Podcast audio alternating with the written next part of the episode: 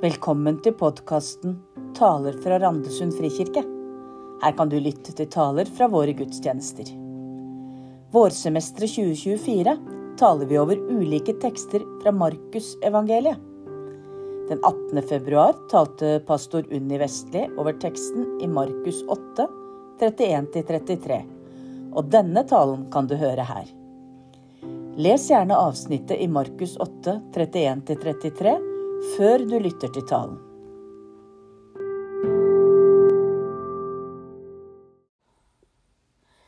Jeg trodde han Jesusen var snill, jeg, men så er han jo skikkelig slem. Det var ei dame i bibelgruppa mi som sa dette en gang. Hun hadde ikke vært kristen så veldig lenge, så hun kjente ikke alle bibelfortellingene godt fra før av, sånn som mange av oss som er her, gjør. Og da blir de ofte lest på en litt annen måte de har ikke alle filtrene og de brillene som vi leser med. Vi leste gjennom Markusevangeliet i denne bibelgruppa. Og denne gangen hadde vi lest teksten som vi skal lese i dag, fra Markus 8.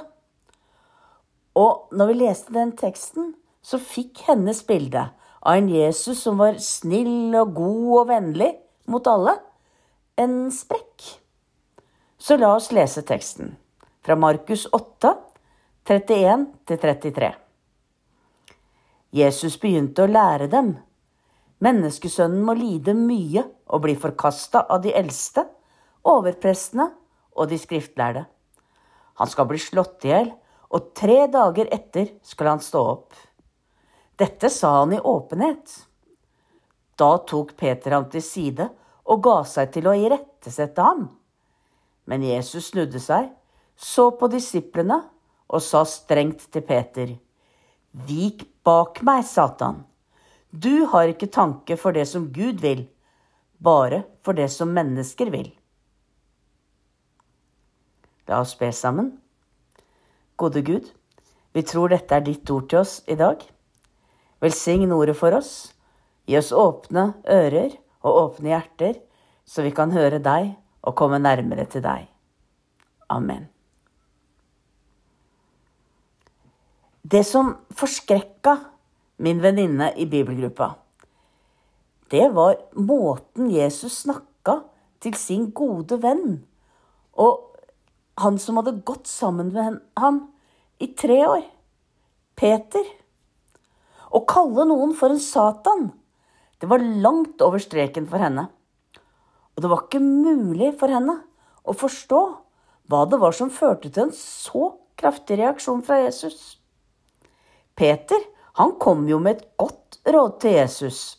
Og hvis vi ser litt på det, så er det vel et råd som de fleste av oss, i den situasjonen som var der og da, ville tenke at var et godt og fornuftig og riktig råd. Jesus var i ferd med å reise til Jerusalem, og han fortalte åpent at der ville han bli tatt til fange, og han ville bli slått i hjel. Disiplene, de visste at dette var ikke bare tomt snakk. Fariseerne og de skriftlærde hadde lenge hatt imot Jesus. Han provoserte dem på mange måter, og de ønska å bli kvitt ham. De ville slå ham i hjel. Disiplene visste at de hadde makt til å gjennomføre det som de ønska seg, og tanken var at det måtte ikke skje i etterpåklokskapens lys, her som vi sitter i dag, så vet vi at det var nettopp det som måtte skje. Jesus måtte dra opp til Jerusalem. Han måtte lide, og han måtte dø. Det var hans oppdrag på jorda. Å dø for menneskenes, ja, for våre synder. Det var derfor han var kommet. Jesus visste det. Han visste at målet med hans liv var å lide og dø. Men han var redd for det. Han grua seg til det som skulle komme til å skje. Det veit vi, ikke minst ut fra det vi kan lese om at skjedde i Getsemane på skjærtorsdag. Der står det i Markus 14 at Jesus gripes av angst og gru. Det, det står ikke Jesus var litt redd og kjente litt på frykt. Det er ganske sterke ord som brukes. Jesus gripes av angst og gru, og sjelen hans er tynga til døden av sorg. Svetten falt til jorda som bloddråper. Jesus visste at det var lidelse som venta han, og alltid han stritta imot å gå inn i det. Han ville slippe. Og hvorfor dveler jeg sånn med akkurat dette? Jo, fordi det er det som er bakgrunn for de skarpe ordene Jesus bruker i dagens tekst. Denne store fristelsen som ligger der for Jesus, det er å gå bort fra det oppdraget som Gud har for ham på jorda. Og dette, det er en reell fristelse for Jesus. Det er noe som påvirker han. Han blir frista med noe som han virkelig ønsker seg. Nå skal jeg bruke et eksempel, og det er kanskje litt dumt, men, men jeg tror dere forstår hva jeg mener når jeg sier det. Hvis noen tilbyr meg hasj, så kan du kanskje si at jeg møtes av en fristelse. Men jeg fristes ikke. For jeg ønsker meg ikke rusmidler av noe som helst art. Det er ingen fristelse for meg. Men dersom Birgit tilbyr meg en pose popkorn, så er det en reell fristelse for meg. For det er noe jeg vil ha. Det er noe jeg har lyst på. Sjøl om jeg veit at kroppen min ikke har godt av det. Når Jesus blir oppfordra til å gå bort fra den oppgaven han hadde på jorda, gå bort fra veien som førte til lidelse og død, så var det en reell fristelse for ham han ønska virkelig å slippe å gå den veien. Og det er noe av det som skjer i denne fortellinga. Når Peter irettesetter Jesus og vil ha han til å velge en annen vei, så har Jesus egentlig lyst til å være enig med ham. Jeg har liksom tenkt meg at Jesus har lyst til å si noe i denne retningen til Peter. Ha, så godt at du sier akkurat dette, Peter. Akkurat det jeg trengte å høre nå. Og så er det du som sier det til meg. Og da tror jeg du har rett, for, for du har jo gått sammen med meg i tre år. Og du har jo forstått så mye. Du veit jo til og med hvem jeg er, sånn som du sa det for noen få dager siden. Det var blitt åpenbart deg fra Gud at jeg er Messias. Og eh, nå har du sikkert lytta til Gud igjen. Så du og jeg, Peter, la oss gå en annen vei enn den jeg hadde tenkt. Kanskje ikke akkurat sånn, men noe i denne retningen tror jeg at Jesus kanskje kjente på. Jesus må kjempe imot den fristelsen han møter gjennom Peter, til å gå bort fra den veien som han vet at er hans. Og han må gjøre det tydelig. Det holder ikke at han fornuftig forklarer Peter at dette ikke er rett. Han gjør jo det med ordene 'du har ikke sans for det som hører Gud til', bare det som hører mennesker til'. Men ved siden av denne fornuften så må han også slåss mot Satan sjøl. Og be den onde vike bort fra han med sin fristelse. Det er en reell kamp som pågår. Og derfor blir ordene så harde og sterke.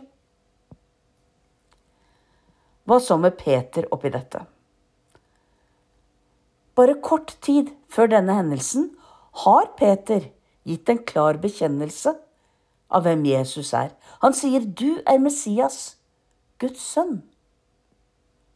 Hva er det som har skjedd med Peter på denne korte tida? Har han plutselig blitt et redskap for den onde? Egentlig tror jeg ikke det har skjedd så mye med Peter. Han er den samme. Men som alle oss andre så er han under innflytelse, noen ganger av Gud og noen ganger av det onde. Når Peter bekjenner at Jesus er Messias, er det en åpenbaring fra Gud. Det er ikke noe han har henta fra seg sjøl. Jo, Peter har blitt kjent med Jesus som et fantastisk menneske, men så er det Gud som åpenbarer for ham at Jesus er mer enn et menneske. Og Peter tror og bekjenner det han har fått åpenbart. Peters irettesettelse av Jesus i det avsnittet vi har lest i dag, ser heller ikke ut til å komme fra Peter sjøl, men fra Satan, som bruker Peter som et redskap til å friste Jesus. Som menneske og venn vil ikke Peter at Jesus skal bli tatt til fange og drepes, slik han snakker om. Også hvis du greier å se for deg dette som et helt fysisk bilde, så er det som om Satan i denne situasjonen har sneka seg mellom Jesus og Peter, sånn at det ikke lenger er Jesus som påvirker Peters tanker og ord, men den onde. Og Peter gir seg til å irettesette Jesus, fortelle ham at disse tingene ikke må skje ham. Og det er da Jesus ber Satan forsvinne fra både seg sjøl og Peter. Og så tenker jeg det er sånn for oss alle. Vi er under påvirkning av både det gode og det onde. Og så skal jeg komme litt tilbake til hvordan vi skal lære oss å skille, sånn at det er det godes tjeneste vi går i, og ikke den ondes. Men litt andre ting først. Jesu vei var lidelsens vei. Det var veien han var kalt til å gå. Vi er Jesu etterfølgere, og som hans etterfølgere vil også vår vei kunne gå inn i lidelser og smerte. Jesus sier det rett etter at han har irettesatt Peter. Den som vil følge meg, må ta sitt kors opp og følge meg. Og så møter vi fristelser til ikke å gå den veien Gud kaller oss. Det er mange stemmer som forteller oss at vi ikke kan følge en vei som ikke kjennes god for oss, og at det ikke er nødvendig å bære noe kors. For det kan da ikke være Guds vilje at vi skal gå inn i noe som kjennes ondt for oss? De fleste av de som er her, kjenner til det vi kaller herlighetsteologi. Det som lærer oss at å leve livet sammen med Jesus betyr at du får materiell framgang, at du aldri blir sjuk og ikke møter motgang. Og de fleste av de som er her, veit at dette ikke er sannheten. Det vet vi både ut fra egne og ut fra andres erfaringer. Vi veit at når vi møter sjukdom, ulykker og nød, så er det ikke fordi vi ikke tror rett, men fordi det er sånn livet her på jorda er. Men dagens herlighetsteologi har fått et annet ansikt, som vi så lett besnæres av og fristes av, som vi ikke så lett avviser. Det handler ikke lenger om velstand, men det handler om velvære. Det er stemmer som ganske høyt forteller oss at det å følge Jesus og leve livet sammen med Han, det er det samme som å ha et godt liv. Men dette er jo heller ikke sannheten. Et liv sammen med Jesus er ikke nødvendigvis godt. Det kan være smertefullt, og det kan være mørkt å følge Jesus. Det kan være ensbetydende med forsakelse av noe vi opplever som godt, og fornektelse av ting som vi opplever som goder i livet vårt.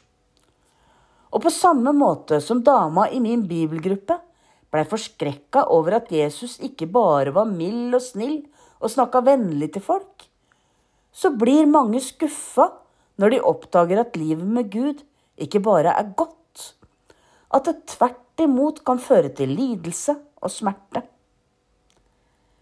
Og dersom vi tror at det å følge Gud handler om å få et lykkelig liv, så kan denne oppdagelsen av at det ikke er sånn, føre oss til to ganske uheldige ting. Det ene er at vi kan begynne å tenke at det ikke er noe vits i å følge Gud. Når målet er å få det godt her i livet, og når livet med Gud ikke gjør oss lykkelige, så er det ingen vits i å tro på Han. Det andre gjør at når vi oppdager at Gud setter grenser for vår livsutfoldelse, eller når jeg opplever at Guds kall fører meg inn i noe som er ubehagelig, eller til og med smertefullt for meg, så finner jeg veier utenom. Vi finner andre løsninger. Vi bestemmer oss for at dette ikke kan være Gud. Det er ikke Han som har kalt oss inn i det som fører til ubehag for oss. Og så lar vi veiviseren for oss når vi skal finne ut om noe er Guds vilje eh, eller ikke. Det blir om vi får det godt, og om vi får leve et liv som er naturlig for oss. Som vi kjenner at, er, at gjør oss godt. Men dette er ikke alltid riktig. Nå er det viktig for meg å si at det ikke er sånn at livet med Gud alltid fører oss inn i smerte og lidelse. Det er ikke sånn at livet med Gud alltid er et offer. Det kan også innebære mye godt. Det kan innebære lykke og tilfredshet og glede over å få bruke gavene Gud har gitt oss. Ofte er det sånn. Men å følge Guds vei kan føre både til smerte og sorg, og til glede og gode dager. Og det som er viktig, det jeg sier nå, det er at det er ikke disse tingene, det er ikke hvordan jeg får det i livet, som er avgjørende for om jeg følger Guds vilje eller ikke. At jeg kjenner lettelse og fred ved en avgjørelse, kan like gjerne være fordi jeg følger min egen vei og gjør det jeg har lyst til og opplever som rett, som at jeg følger Guds vei og vilje. Det eneste som gjelder, når vi skal finne hva som er Guds vilje og vei for våre liv, det er å holde oss nær til Gud. Skal vi være under innflytelse av Gud og bekjenne at Jesus er Herre, slik som Peter gjorde, så må vi holde oss nær til Gud gjennom Hans ord. Skal vi følge Hans vei i våre liv, er det bare Guds ord som gjelder. For det er bare hos Jesus i Ordet vi finner Gud og Hans vilje. Vi har starta fastetiden akkurat nå. Og jeg vil oppfordre oss alle, like mye meg som alle andre, til å bruke denne tida i kirkeåret sånn den er ment å brukes. Til å søke nærmere Gud og tettere til Hans ord. Og vi kan gjerne gjøre det ved å forsake noe som tar vår tid og vår konsentrasjon vårt fokus, noe vi er glade i og gjerne vil ha for å kunne bruke tida sammen med Gud og komme tettere til Han. For det er jo det som er faste. Å forsake noe for å kunne være sterkere konsentrert om Gud og Hans vei for oss. Hva vi forsaker, kan være ulikt, avhengig av hva som tar vårt fokus. Det skal sikkert Tommy snakke mer om neste søndag, for da er det faste som er tema. Men oppfordringa mi er altså Bruk ukene fram mot påske til å bli endra bedre kjent med Gud, sånn at vi ikke lenger er i tvil om det er Han som taler til oss og påvirker våre liv, eller om det er andre som får påvirke oss. Og sånn at vi, når vi møter fristelsene om å gå bort fra Guds vei, selv om den fører til lidelse, så vil vi kjenne det igjen, sånn som Jesus gjorde, og stå imot fristelsen. La oss be sammen. Vi takker deg, Gud, for at du ikke lot deg friste til å gå bort fra lidelsens vei, men at du gikk den tunge veien, inn i lidelse, hån, spott og forfølgelse, og helt inn i døden for oss så ber vi deg om styrke til å stå sammen med deg, ta opp vårt kors og følge deg dit hvor du leder oss. Lær oss å gå din vei, Gud. Amen.